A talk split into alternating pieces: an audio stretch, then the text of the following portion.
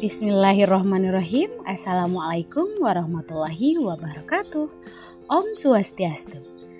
Selamat datang di podcast pembelajaran bersama Ibu Husna Arifah. Hari ini kita akan belajar mengenai kegunaan panca indera. Panca indera itu ada lima, yaitu mata, hidung, telinga, lidah, dan kulit. Nah, untuk kegunaannya adalah sebagai berikut. Mata gunanya untuk melihat. Hidung gunanya untuk membau. Telinga gunanya untuk mendengar. Lidah gunanya untuk merasa. Dan kulit gunanya untuk meraba. Nah, itu adalah lima kegunaan dari bagian-bagian tubuh yang merupakan panca indera.